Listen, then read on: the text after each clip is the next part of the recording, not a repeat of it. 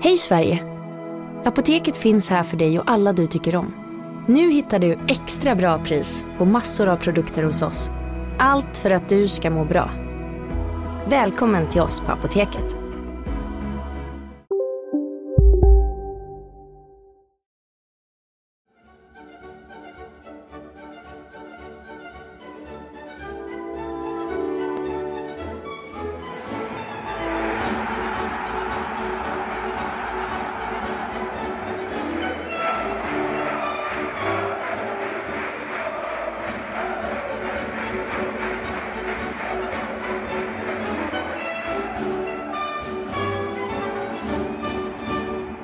Lagkaptenen Andreas Granqvist var tillbaka. Han startade matchen och han spelade hela matchen när HIF spelade 2-2 borta mot GIF Sundsvall i premiären.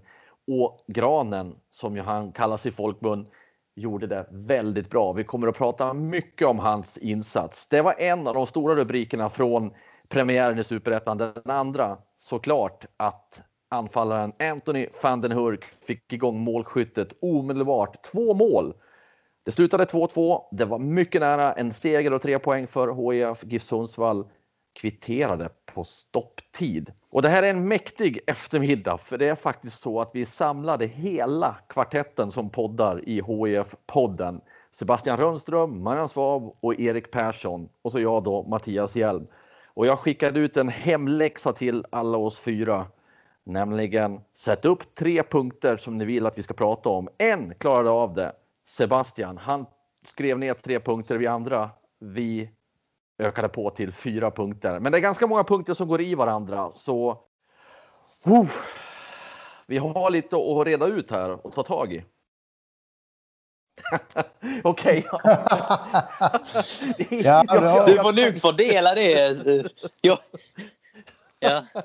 Annars Ingen skulle säga något. Men jag fortsätter prata då.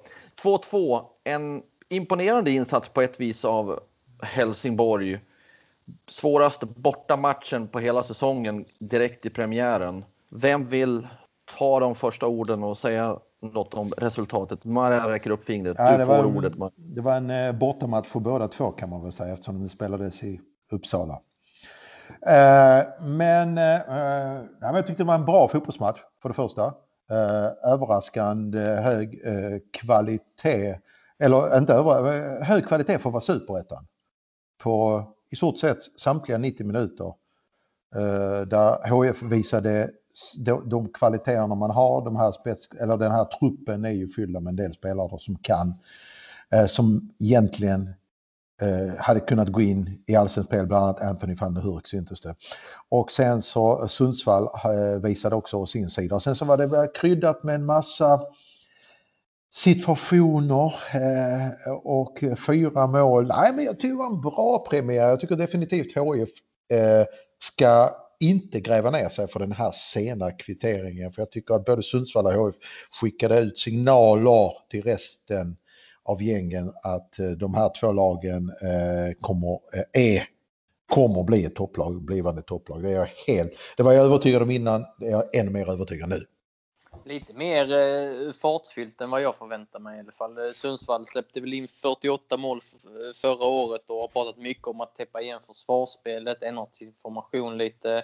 HIF vet vi ju, de har varit bra, väldigt, def, väldigt bra defensivt under försäsongen, sämre offensivt kompakt, disciplinerat eh, försvarslag. Så att det blev fyra mål i den här matchen var en eh, glad överraskning för mig. Ja, det håller jag med om där eh, med, med tanke på HIF har ju också sökt eh, ganska mycket under försäsongen efter efter ett anfallsspel som ska eh, kunna funka. Nu eh, fanns det fortfarande lite så brister i, i passningsspelet till och från men eh, de hotar framåt också även om mycket handlar om Sundsvalls attacker från, från kanterna och det, det var man väl beredd på men just att det ändå blev ganska öppen matchbild så och det, det svängde lite fram och tillbaka och HIF fick ju, fick ju försvara sig rejält i slutet. Men eh, dessförinnan så hade man ju gjort två mål, ett på fast situation och ett på ett anfall som, eh, som vi säkert kommer att återkomma till. Men eh, jag, jag, jag blev så positivt överraskad av att det hände lite grejer i matchen. Jag, jag, var lite så orolig, kanske fel ord, men, men på förhand att det, det kunde bli ganska till slutet eh, 0-0 eh, kläckte jag ur mig precis innan matchen började att jag trodde det skulle bli.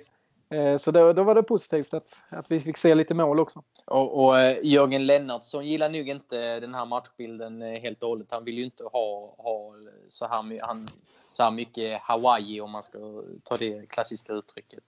Han vill väl ha det lite mer tillknäppt egentligen. Eh, det, det, det, svängde nog lite för mycket för eh, HIF Tränarens smak tror jag. Om vi nu ska gå in på punkterna så kanske vi ska ta det från början eller innan matchen till och med. För det var ju en del saker i startelvan som vi ska prata om. För tre av oss har satt upp en punkt här, nämligen Max Svensson. Bänkningen av Max Svensson, petningen där överraskande. Viktor Lundberg spelade på hans position. Dennis Olsson finns där också bakom och konkurrera. Ja, vad säger ni om, om den här rokaden att sätta Max Svensson på bänken?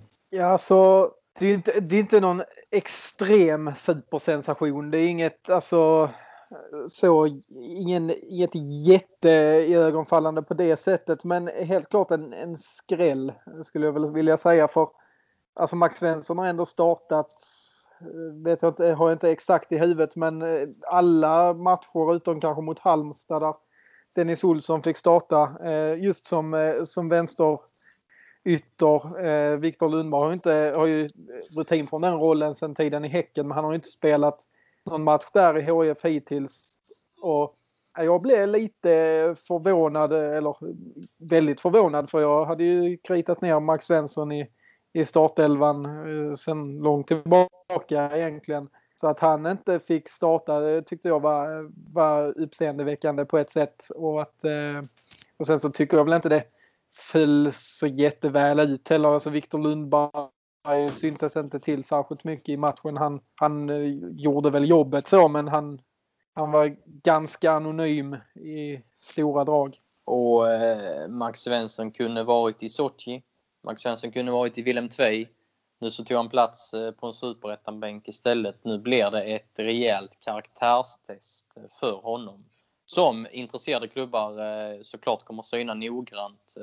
Det ska bli intressant att se hur, hur han hanterar den här petningen. För enligt vad jag har hört och vad jag förstår så, så, så är det en, en petning för att han inte har levererat under försäsongen. Så det handlar inte om att Viktor Lundberg är en annan, annan typ och att man ville ha Viktor Lundberg just i den här matchen. Utan det var för att Max Svensson inte har svarat eh, på det här stora förtroendet som han har fått från Jörgen Lennartsson under försäsongen. Om jag förstår det rätt och tolkar allt rätt så tror Jörgen Lennartsson jättemycket på, på Max Svensson. Men eh, eh han tyckte inte att Max Svensson var på, på rätt nivå här nu inför premiären helt enkelt. Om det då är så så är det logiskt någonstans. Men samtidigt så väcks en fråga i mig.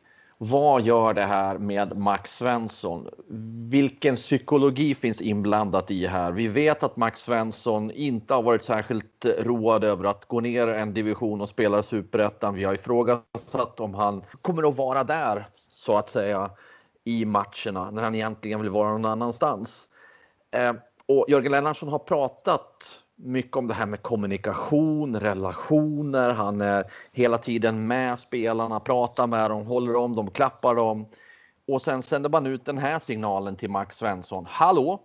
Nu är det premiär, du är på bänken. Psykologin i det? Ah, jag tycker det tål att ifrågasätta det, det beslutet hos Jörgen Lennartsson. Vad säger ni om min fundering där? Det blev så konstig eh, alltså prioritering att eh, då ta in en spelare som inte har varit... Jag tror, jag säger inte att Max Svensson hade accepterat det lättare om Dennis Olsson hade startat matchen. Men på ett psykologiskt plan så, så hade han kanske haft förståelse för det. Men Viktor Lundberg har inte figurerat överhuvudtaget eh, eh, i förhandssnacket om att spela där utan han har spelat en minut på den platsen under träningsmatcherna. Och nu plötsligt står han i en ganska upphåsad premiär och eh, då är det ju lättare för Max att tro liksom att okej, okay, vad är jag nu? Är jag trea i kön till och med eller? Och det vill ju till, antingen biter han ihop eller så har han ringt sin agent och sagt att eh, redan nu att du kan börja leta, eh, jag ska härifrån i sommar. Eh, vi får se hur han tar det och sen så är det som du säger Mattias, allt mycket hänger nu på vad, om han fick någon förklaring, ordentlig förklaring. För i fjol hade vi en, Olof Mell, eh, hade vi en tränare som Olof Mellberg som överhuvudtaget inte kommunicerade. Dessförinnan hade vi Henrik Larsson som överhuvudtaget inte kommunicerade med sina spelare och kunde ge. Men har, har Jörgen Lennartsson tagit in Max Svensson på kontoret eh, och förklarat så här tänker jag därför att det är ju det spelarna alltid vill. Då, då, har det gjorts, ja men då då har ju Jörgen Lennartsson gjort sin del kan jag säga. Sen är det upp till Max Svensson att hantera det här. Men jag kan tycka att Viktor Lundberg var bra och det som Sebbe var inne på det är Utslaget blev väl sådär utan att hänga Viktor Lundberg på något sätt eftersom han inte har spelat på den positionen. Och att det skulle vara en markering som Erik är in på med Max Svensson, ja men det köper jag det också. Men då är det, fan, då eh, höll jag på att svära, men då måste man ju också markera mot en spelare som Rasmus Jönsson som har haft en försäsong. Varför markera mot Max men inte mot Rasmus? Det, alltså ja, mm, det är spännande att se hur den här processen utvecklar sig eh, nu eh, när matcherna eh, inför hemmamatchen mot Örgryte till att börja med. Och apropå psykologi, det kanske rent av är så att Jörgen Lennartsson tänker just psykologiskt att nu testar vi vad de här spelarna går för att det finns en sån plan i det hela. Men det är, det är också ett risktagande om det skulle vara så. Max kanske är tillbaka redan i startelvan i, till Örgryte-matchen. Och, som sagt, det handlar nu om hur Jörgen kommunicerar med, den, med, med, med, med spelaren. Vi släpper Max Svensson. Vi går in i matchen. Det är ju alltså HIF som tar ledningen. Ett inlägg av Wilhelm Löper till Anthony van den Hurk och det är en av punkterna på din lista Sebastian och ja, löper Hurk finns också med i stort på våra andras listor. Så du får väl ta inlägget du då Sebastian.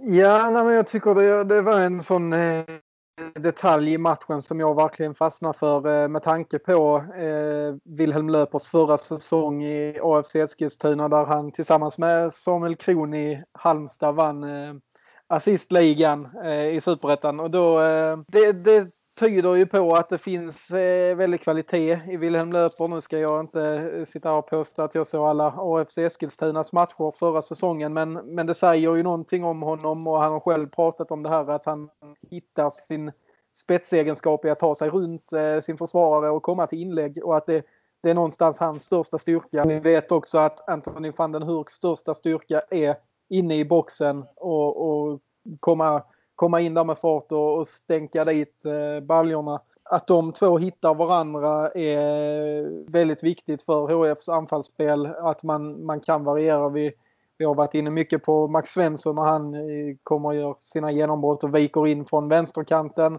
Vi har pratat om Rasmus Jönsson i sin kreatörsroll centralt. Nu har man ett hot till höger i form av Wilhelm Löper som kan servera de här passningarna in eh, mot van den Hurk. Och sett utifrån alltså, de här två spelarna som ju var riktigt bra i premiären och deras spetsegenskaper så skulle jag vilja säga att det här kan vara HIFs viktigaste och farligaste anfallsvapen den här säsongen. Träffar de två rätt i sitt samarbete så kommer det att leda till många mål för HIF och det kan vara väldigt utslagsgivande i slutändan. Erik, du har satt din punkt till löpers succé, så jag tänker att du kan fylla på här.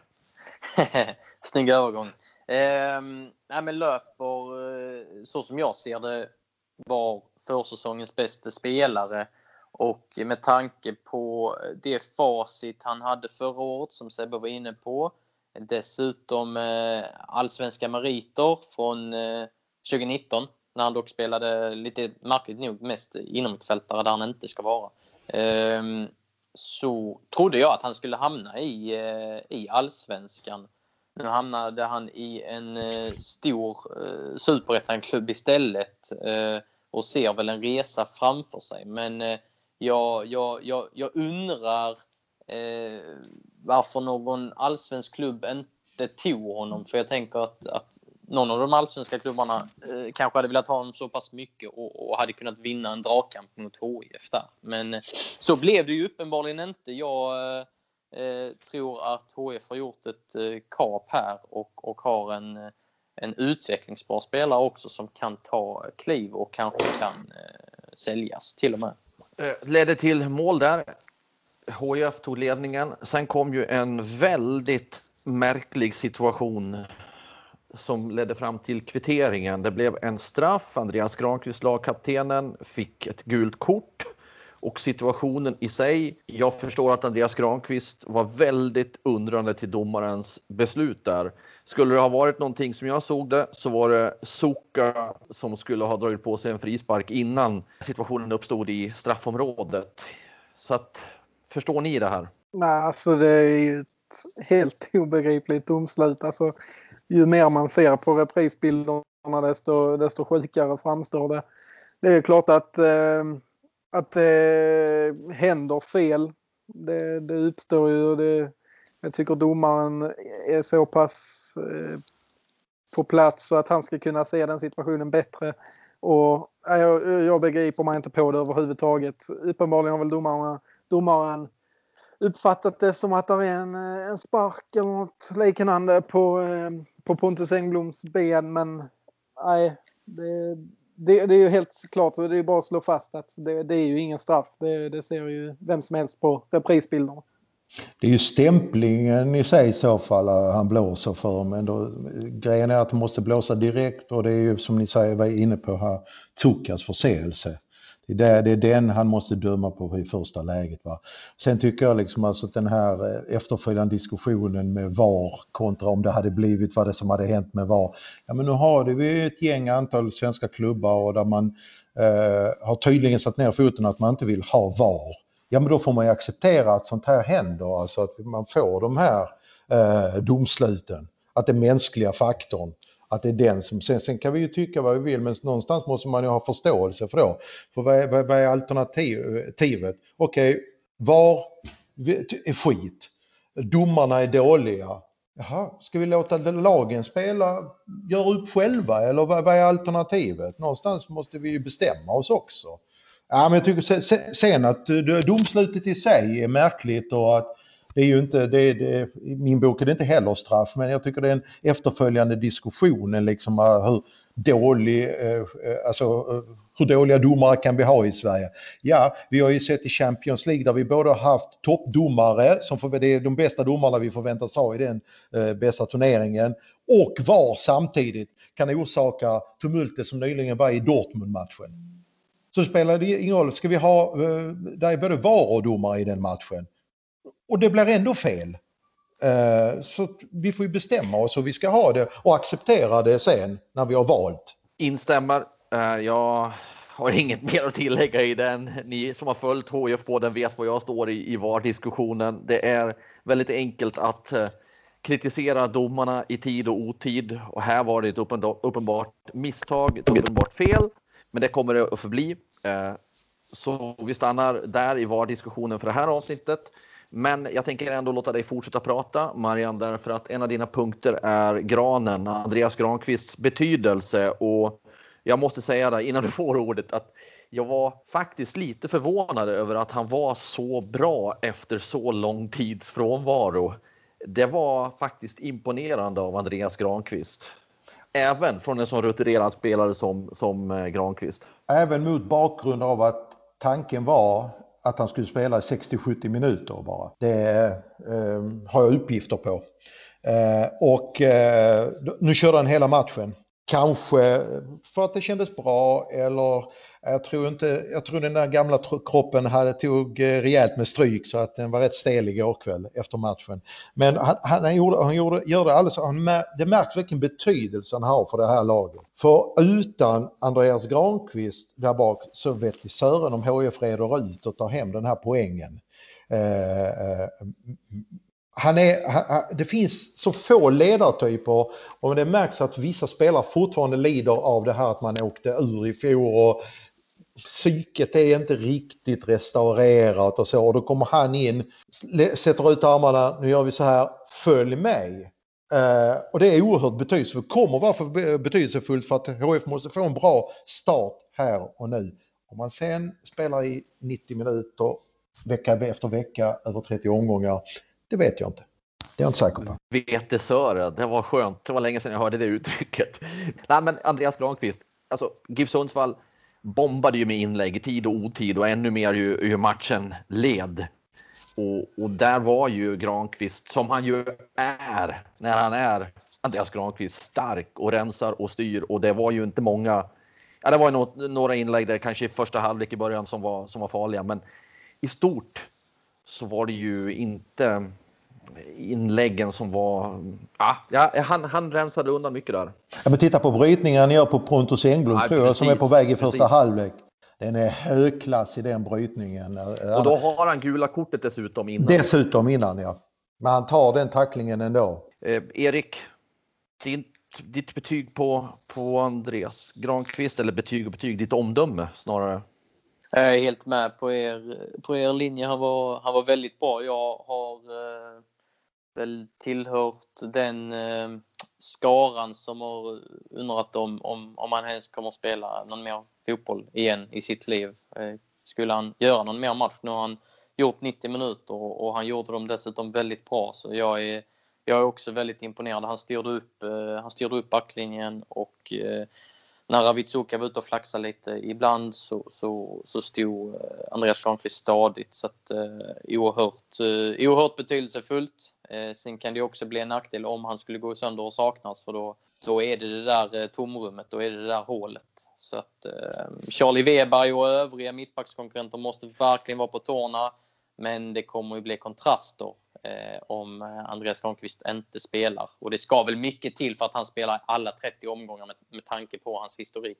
Och då passar det bra att plocka in en av de punkterna jag har skrivit upp på min lista, Ravit Suka. Ni som har lyssnat på podden vet att jag har sagt att jag vill se honom i skarpt läge i den positionen. Eh, jag vill se mer av honom innan jag ger mitt omdöme. Och jag har fortfarande ett frågetecken kring honom. Jag tyckte, jag tyckte han hade problem mot Sundsvall och inte bara i den situationen som föranledde den straffen som inte skulle ha varit någon straff.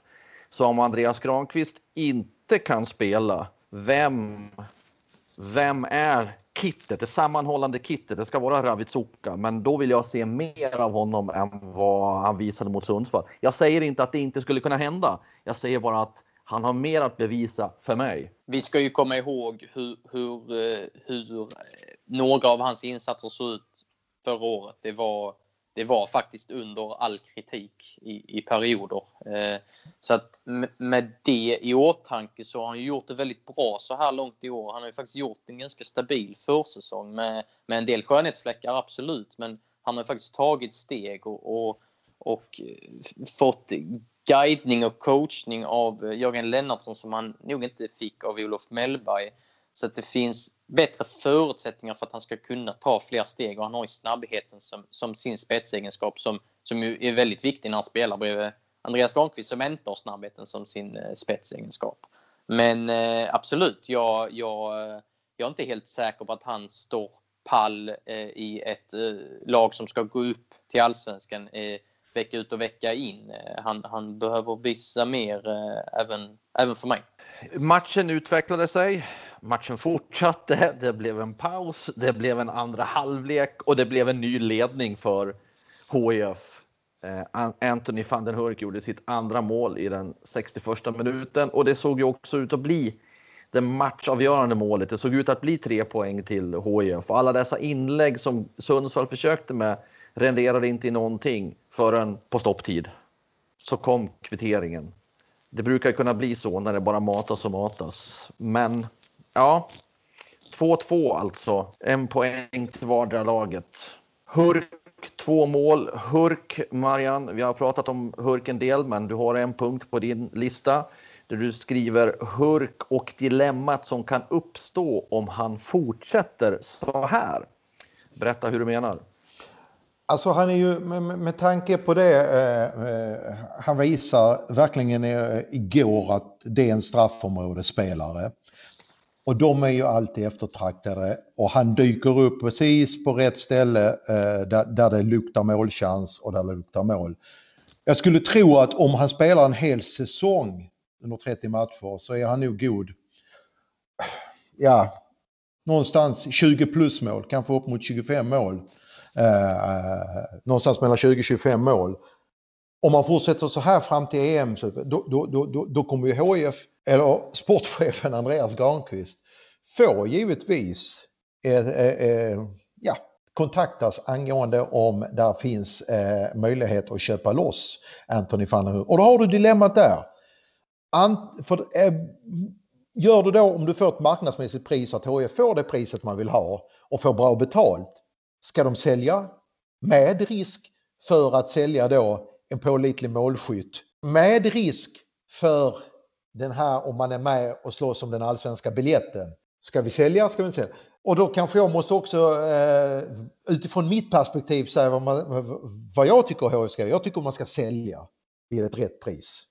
Eh, det är möjligt att man gamlar och säljer bort den allsvenska platsen i det läget. Men HF behöver pengar för att stabilisera den här organisationen och ge sig själva möjligheter över den här, nu har man anställt Jörgen Lennartsson på tre år för att man ska göra en längre resa, det här maratonloppet som Jörgen pratar om. Och i det ingår att ta de här besluten. Och HIF, eh, här i detta läge tycker jag alltså att ekonomin, samma sak med Max Svensson, får man någon, egentligen ska HIF sälja det man kan i kommande transferfönster. För det är där de stora pengarna finns i sommarfönstret på den här nivån. Jag håller, jag håller helt med. Ekonomin väger faktiskt tyngre än att HIF går upp till allsvenskan direkt. För den nu när de går upp till allsvenskan nästa gång, vi får se när det blir, då måste de vara mer redo än vad de har varit så att de inte blir det här jojolaget. Och det, det är ju ekonomiska faktorer också och då får man kanske sälja bort en eventuell eh, allsvensk biljett eh, i år. Sen är det klart att det är problematiskt. Anthony van den Hoek har väl eh, legat liksom direkt bakom mer än 50% av målen i tävlingssammanhang sedan han kom till klubben. Så han är ju enormt viktig. Och vi har varit inne tidigare eh, i, i den här podden på att det finns inte mycket där bakom. Nolan Bo, Alhaji Gero, Asad Alamlawi är intressant men han är ju skadad eh, eh majoriteten av tiden. Så det, är, det är ett pussel att lägga. Andreas Granqvist har väl, har väl erbjudit ett eh, längre kontraktsförslag till Anthony van den Hoek. Vi är specialister på det vi gör, precis som du. Därför försäkrar vi på Swedea bara småföretag, som ditt. För oss är små företag alltid större än stora och vår företagsförsäkring anpassar sig helt efter firmans förutsättningar. Gå in på swedea.se företag och jämför själv.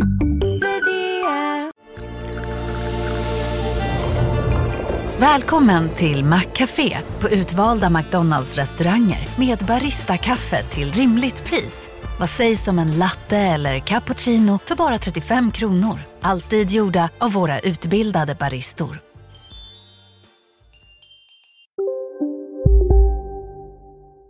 Och Andreas Granqvist har nobbat bud från, jag tror det var Hajduk Split i, i vintras. Eh, och, och, hur lägger man det här pusslet om man ska sälja van den Hoek till sommaren när man inte har en given ersättare i truppen redan? Eh, man kanske kan lösa den där ersättaren till nästa säsong. Ska man köra en höstsäsong med Nolan Bow eller Alhaji Gero då? Ja, det är, det är många faktorer med där, men jag håller med i, i Marians resonemang om att ekonomin väger tyngre i, eh, i det här skedet som klubben är. Och som sagt var, fortsätter han så här Eh, eh, nu, nu är det ju en uppgift på att Hajduk bjöd ungefär 200 000, 250 000 euro i vinterfönstret. Så vet ju alla också vad, vilka pengar som klubbarna brukar lägga upp under sommaren när alla andra, de flesta europeiska ligorna startar sen framåt hösten.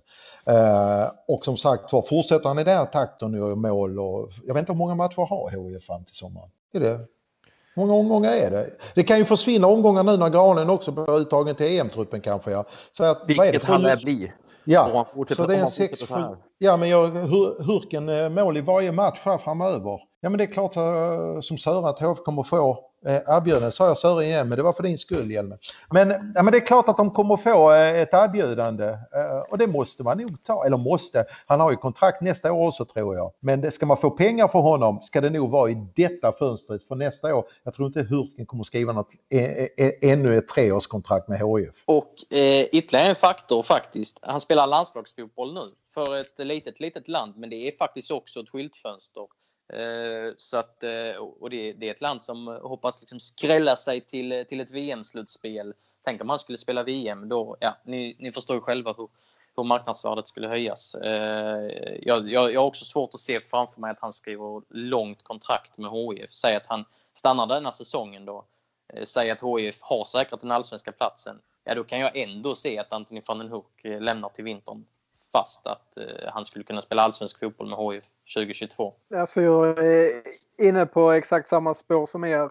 Jag tänker också att det kan ju inte, alltså med tanke på att man har haft eh, bud eh, redan nu i, i vintras så kan det inte komma som en överraskning för HIF om, om någon klubb eh, sen kommer i sommar och pyntar upp de här miljonerna som HIF vill ha för Anthony van den Hurk och då, då bör det ju faktiskt finnas en plan i HIF för hur ska vi ersätta honom. Där, där måste finnas någon slags lista med namn på potentiella ersättare för ska HIF, alltså helt klart att HIF bör sälja om man får ett rätt bud.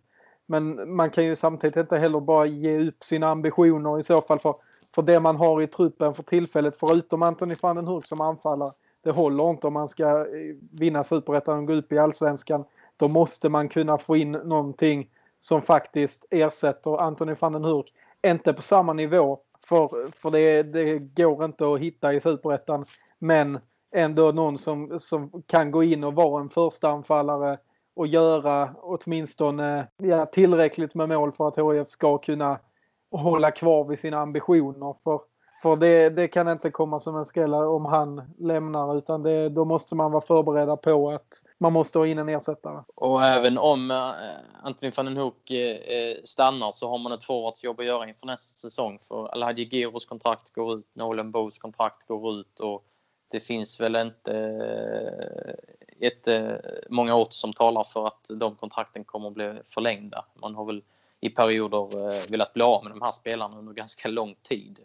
Eh, ganska tidigt visade det sig att det var två felrekryteringar så att även om eh, van den Hoek stannar så, eh, så har man ett forwardsjobb eh, att göra. Man ska ut på den eh, jakten och det kan faktiskt bli så att man behöver värva två, kanske till och med tre forwards. Förr pratade man om en när det var svåra frågor om 10 000 kronors frågan. Jag säger så här, nu kommer 10 miljoner kronors frågan. Ska HIF hoppas på att Anthony van den Hurk skottar in mål som gör då att det förmodligen blir en försäljning eller ska man hoppas på att Anthony van den Hurk gör mål kontinuerligt fast i en lugnare ström, kanske varannan match. Så att inte det här budet kommer och så att man har kvar Hurk över hela säsongen. Fast budet kommer väl även om man gör mål i annan, varannan match. Det är ganska bra facit, tänker jag.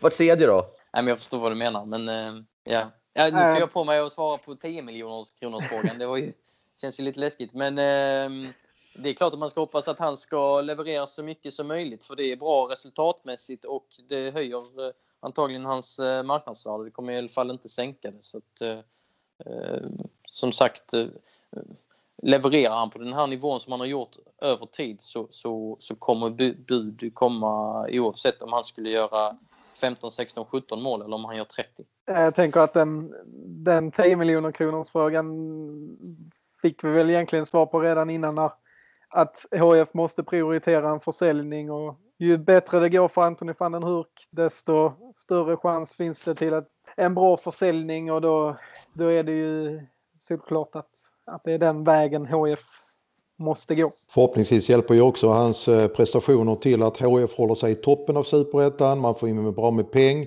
och då blir ju också attraktionskraften hos klubben, alltså att locka till sig en ersättare. Jag säger inte att det kanske blir ens på samma nivå, men att man får tag i en bra ersättare till en rimlig peng och ändå kan ha pengar över eh, under en säsong där vi inte ens vet hur inkomsterna ser ut vad det avser publik om man får ta in.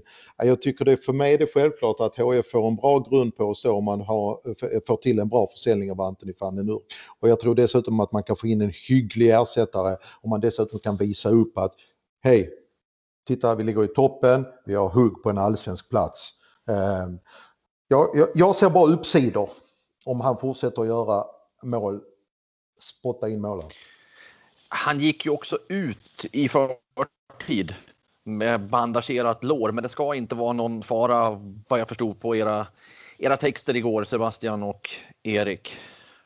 Nej, han sa det att det mer var något av en säkerhetsåtgärd. Han kände sig lite stel eh, där eh, efter smällen. Men eh, så, så som, som jag förstod det på honom så skulle det inte vara någon fara för nästa match i alla fall. Bra, vi släpper Anthony van den Hurk för nu. Erik, en punkt på din lista. Matchcoachningen under dessa 90 plus x antal stoppminuter. Ja, eh, det blev ju ett gäng sena byten.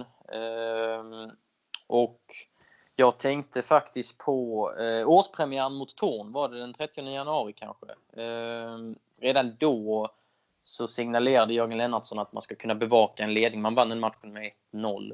Och det har varit ett återkommande tema och det var jag inne på tidigare att det har varit en, en stark defensiv eh, prägel på det här laget under försäsongen. Man har inte släppt in mycket mål och sen har det inte lossnat offensivt. Och jag tycker väl i, i den här matchen man sjönk, man sjönk lite väl lågt, lite väl tidigt tycker jag. Efter 2-1 borde man kanske trummat på. Eh, det där Sundsvallmålet eller den där stora Sundsvallschansen hängde faktiskt i eh, luften. Och så byter man in Jakob Fölkerling Persson och man byter in Charlie Weber och man går ner på fembackslinje. Och med tanke på försäsongen och vad vi har fått se då så, så var det ju inte förvånande. Eh, sen kan man diskutera om, om, eh, om det var rätt eh, eller inte. Eh, hade Sundsvall inte gjort det här målet hade vi kanske suttit och, och hyllat det. Eh, jag tänker också på Eh, Landskrona Boys borta 2018 när eh, P.O. Ljung var det väl då, eller Kristoffer Andersson, eh, eh bytte in Carl Thulin i 87 minuten kanske. Det blev en fembackslinje. Landskrona Boys kvitterade. Då vet jag att man inte hade tränat på, på det. Man har inte alls tränat på, på, på att ha någon fembackslinje. Har man gjort det nu, då, då, då köper jag det. Att det är en, match, eh, en, en del av matchplanen. Eh, har man inte gjort det så är det lite märkligare. Men jag tror att man har gjort det. Men eh, jag, tyck, jag eh, tyckte det var intressant ändå hur man gjorde där. Och Jakob Fölkling Persson kom in på mittfältet. Ja, det kanske velat ha honom lite längre ner och skydda straffområdet ännu mer. Han, han gick faktiskt upp i press ganska högt i vissa sekvenser. Och det är kanske inte hans största styrka. Jag tycker du har en poäng där Erik, om jag ska gå in och fortsätta tycka någonting här. Eh, något som jag lade märke till under matchen var också det att jag tycker att man överlät initiativet till Sundsvall för mycket. Det hade kunnat finnas en poäng i att byta in spelare, kanske Max Svensson tidigare när Viktor Lundberg inte riktigt kom loss där på vänsterkanten, göra lite mer för att återta initiativet. Jag vet inte om ni håller med mig om det, men jag upplevde det som att man tillät Sundsvall faktiskt få, få ha det där viktiga initiativet. HIF är ju väldigt bekvämt utan boll. Eh, som jag ser det, mer bekvämt utan boll än med boll. Och eh, över tid eh, kan det bli något av ett problem. Eh, de behöver få igång eh, passningsspelet och, och, och bollinnehavet under, under längre perioder utan att du vet om det så blir det faktiskt en perfekt cliffhanger till en punkt på Marians lista. Du säger att HF känns bekvämare utan boll och Marian har satt upp, du har satt upp punkten passningsspelet på din lista. Som jag då mm. tänker att det kanske har lite med samma sak att göra. Lite barn ja, av samma tror, moder. Jag tror ju inte det. Alltså, tittar man på lagens passningsspel så tycker jag Sundsvalls, där vann Sundsvall matchen. För att man hade ett bättre passningsspel. Man eh, hittade med pass, man kunde slå linjer med passningsspelet.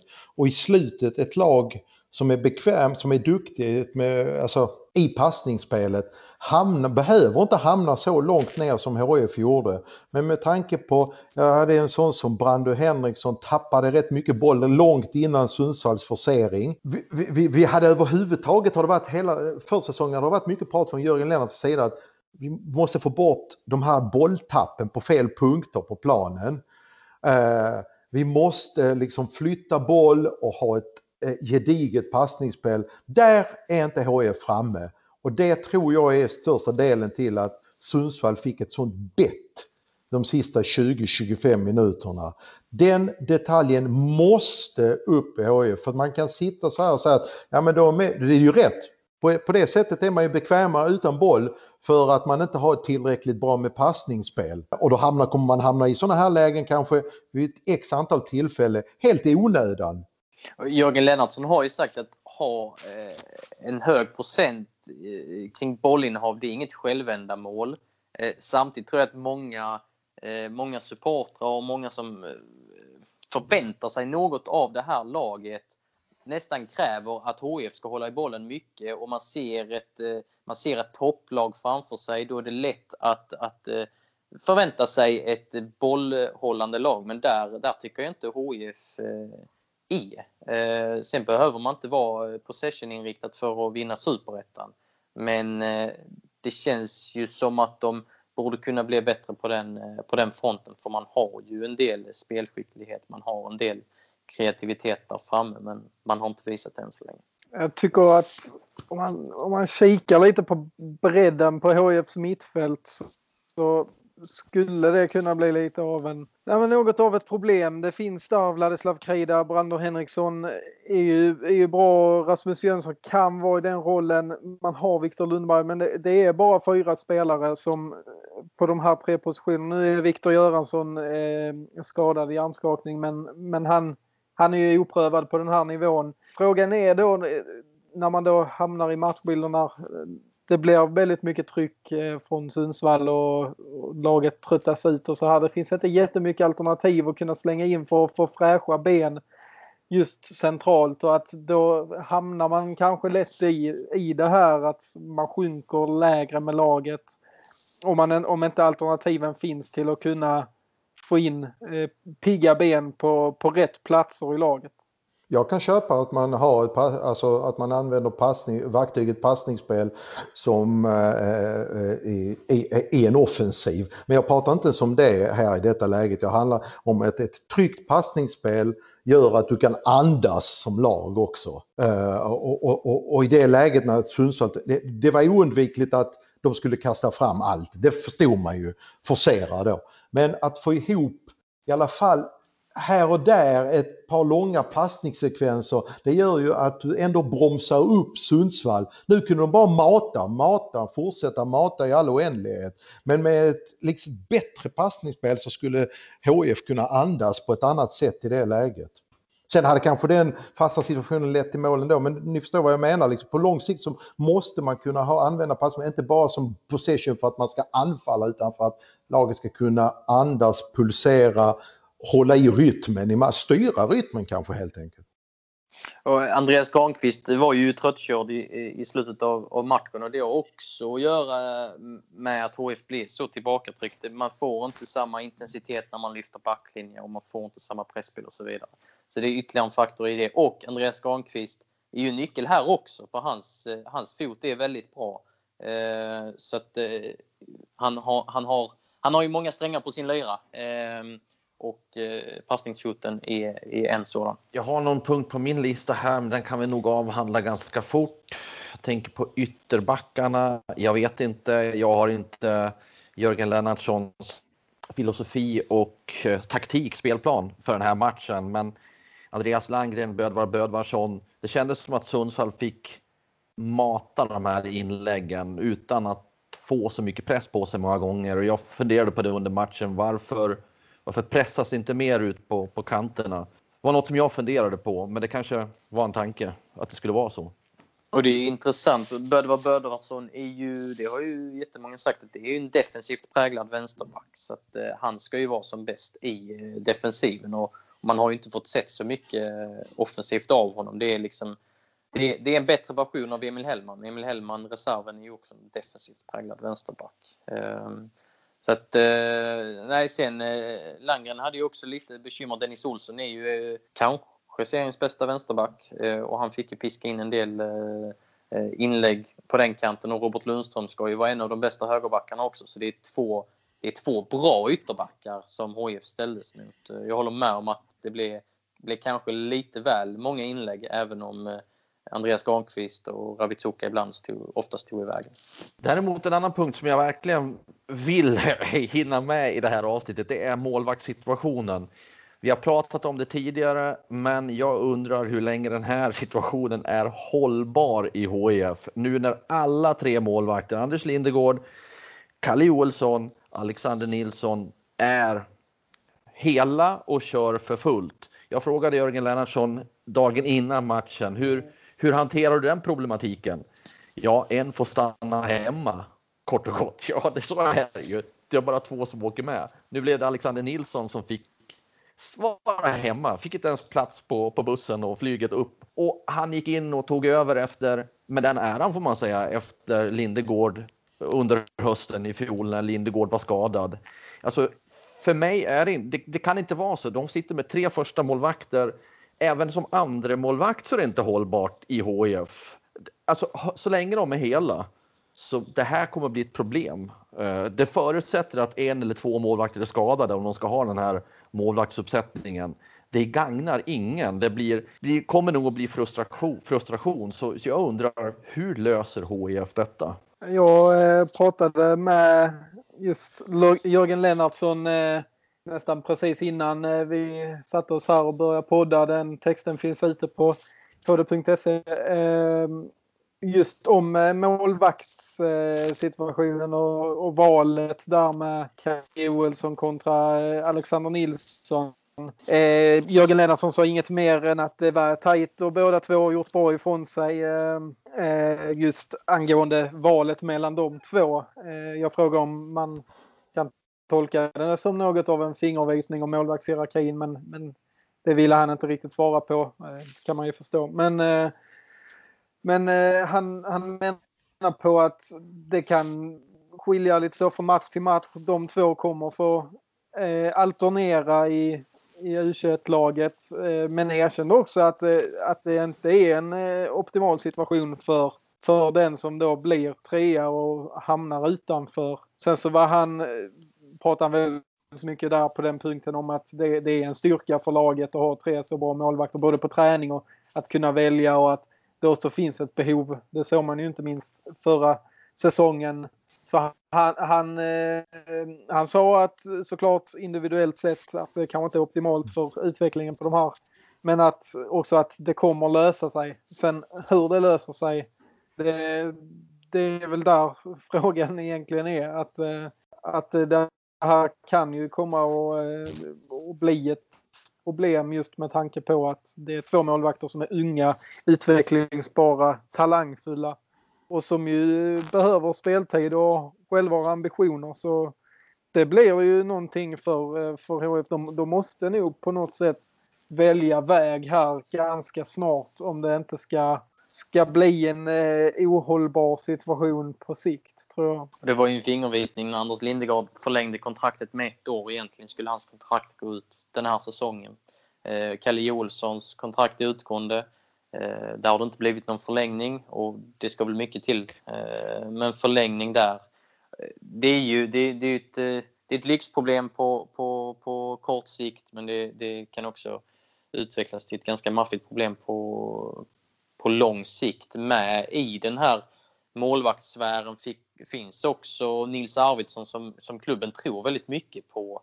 Han var ju med och satt på bänken någon gång förra året och, och gjorde någon försäsongsmatch i år hur ska man få in honom här? Han är ändå, han fyller väl 18 år nu egentligen. Ska han träna kontinuerligt med det här laget? Eh, eh, jag menar, han är, han är inte 14 bast utan han är ändå 18 så han bör vara i den miljön. Så att, eh, det, det, är, det är ganska många frågor här. Ganska få svar än så länge. Det är dit jag vill komma. Att i, I mitt huvud så ser jag framför mig Lindegård om han nu då är uttalad etta så har man en backup som inte har varit inne på den här nivån så jättemycket i Nils Arvidsson. För mig handlar det inte bara om vem som blir tredje målvakt och utanför truppen, utan det handlar som jag sa inledningsvis också om den som blir andra målvakt. För både Kalle Joelsson och Alexander Nilsson har agerat som första målvakter under skadeperioder eh, och, och, visat att man håller på den här nivån. Det är ju det är inte, alltså det är ingen av dem ska sitta på bänken.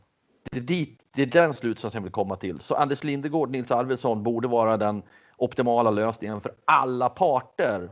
För att alla ska kunna vara nöjda. Alexander Nilsson låg ju faktiskt i topp. Det finns ju så här expected goals men det finns, finns också motsvarigheten till, till antal räddningar och Alexander Nilsson, jag tror han var trea i Allsvenskan förra året. Han gjorde fler räddningar än vad han skulle ha gjort.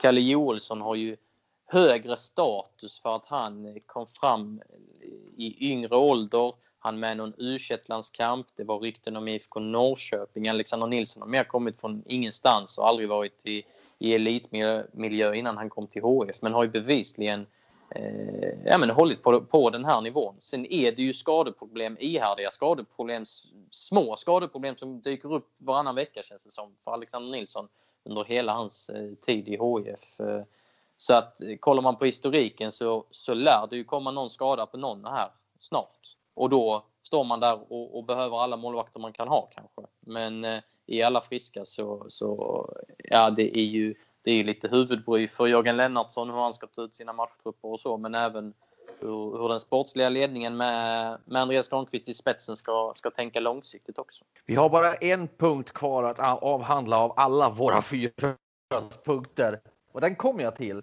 Men först ska jag dra omgångens resultat så att ni har dem med er. Det blir lite radio, radiosnack här. GIF Sundsvall HIF alltså 2-2. Västerås spelade 0-0 mot Eskilstuna. Jönköping Södra krossade Vasalund med 5-1. Eh, Trelleborg slog Norrby med 2-1. Akropolis Brage spelade 1-1. Örgryte som ju är HIFs nästa motståndare förlorade hemma mot Öster 0-1. Falkenberg förlorade hemma mot Gais 0-1. Och så Landskrona Boys vann nykomlingsmötet mot Värnamo med 2-0. Vi tittar på nästa omgång. Eskilstuna ska möta Akropolis, Gais möter Västerås, Brage tar emot Falkenberg, Vasalund tar emot Trelleborg, Öster möter Boys, Värnamo tar emot HIFs premiärmotståndare Sundsvall, Norrby spelar mot Jönköping Södra och så då avslutningsvis Helsingborgs IF möter Örgryte i hemmapremiären på tisdag klockan sju på Olympia och då till den avslutande punkten, nämligen hur hanterar HIF passningsorienterade Örgryte? Erik, din punkt där. Det är min punkt. Eh, jag har kollat lite på Örgryte och jag har eh, tidigare eh, kollat med ganska stor förtjusning på Lindome i division 1 och nu har deras tränarpar eh, tagit över eh, Örgryte här och eh, det är ett, eh, ja men för att sätta det i någon form av kontext, ja men lite så som Sirius eh, uppträdde i Allsvenskan förra året. Man ska lösa varje situation genom att eh, rulla eh, längs marken. Och eh, då funderar jag på eh, om det är ett ypperligt läge för HIF eh, och, kliva upp högt i sin press, vinna, vinna boll tidigt. Eh, samtidigt som jag var inne på tidigare, de är väldigt bekväma eh, utan boll och, och är bra, eh, ganska bra i lite lägre eh, försvarsspelet.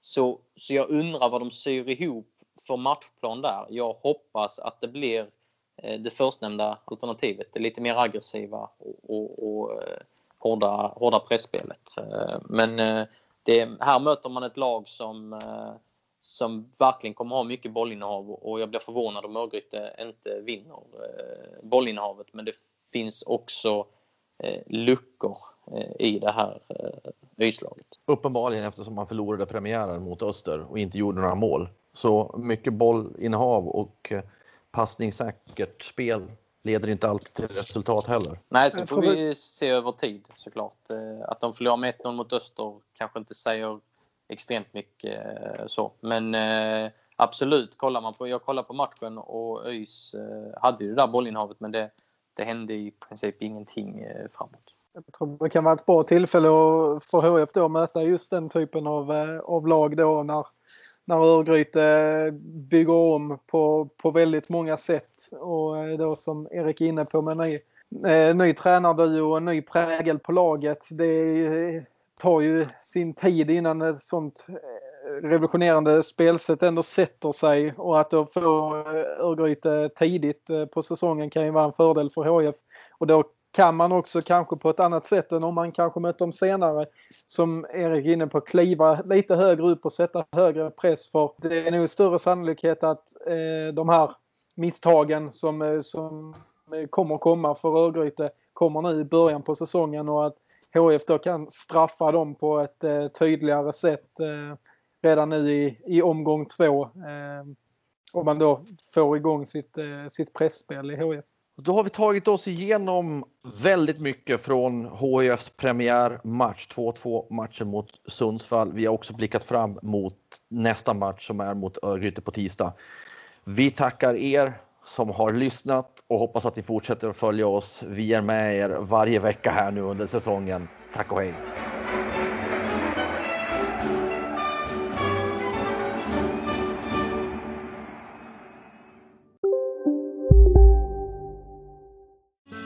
Hej, Susanne Axel här. När du gör som jag och listar dig på en av Krys vårdcentraler får du en fast läkarkontakt som kan din sjukdomshistoria. Du får träffa erfarna specialister, tillgång till lättakuten och så kan du chatta med vårdpersonalen. Så gör ditt viktigaste val idag, listar dig hos Kry. Redo för sportlovets bästa deal? Ta med familjen och njut av en Big Mac, McFeast eller Cooper Cheese och Company plus en valfri Happy Meal för bara 100 kronor. Happy Sportlovs deal, bara på McDonalds.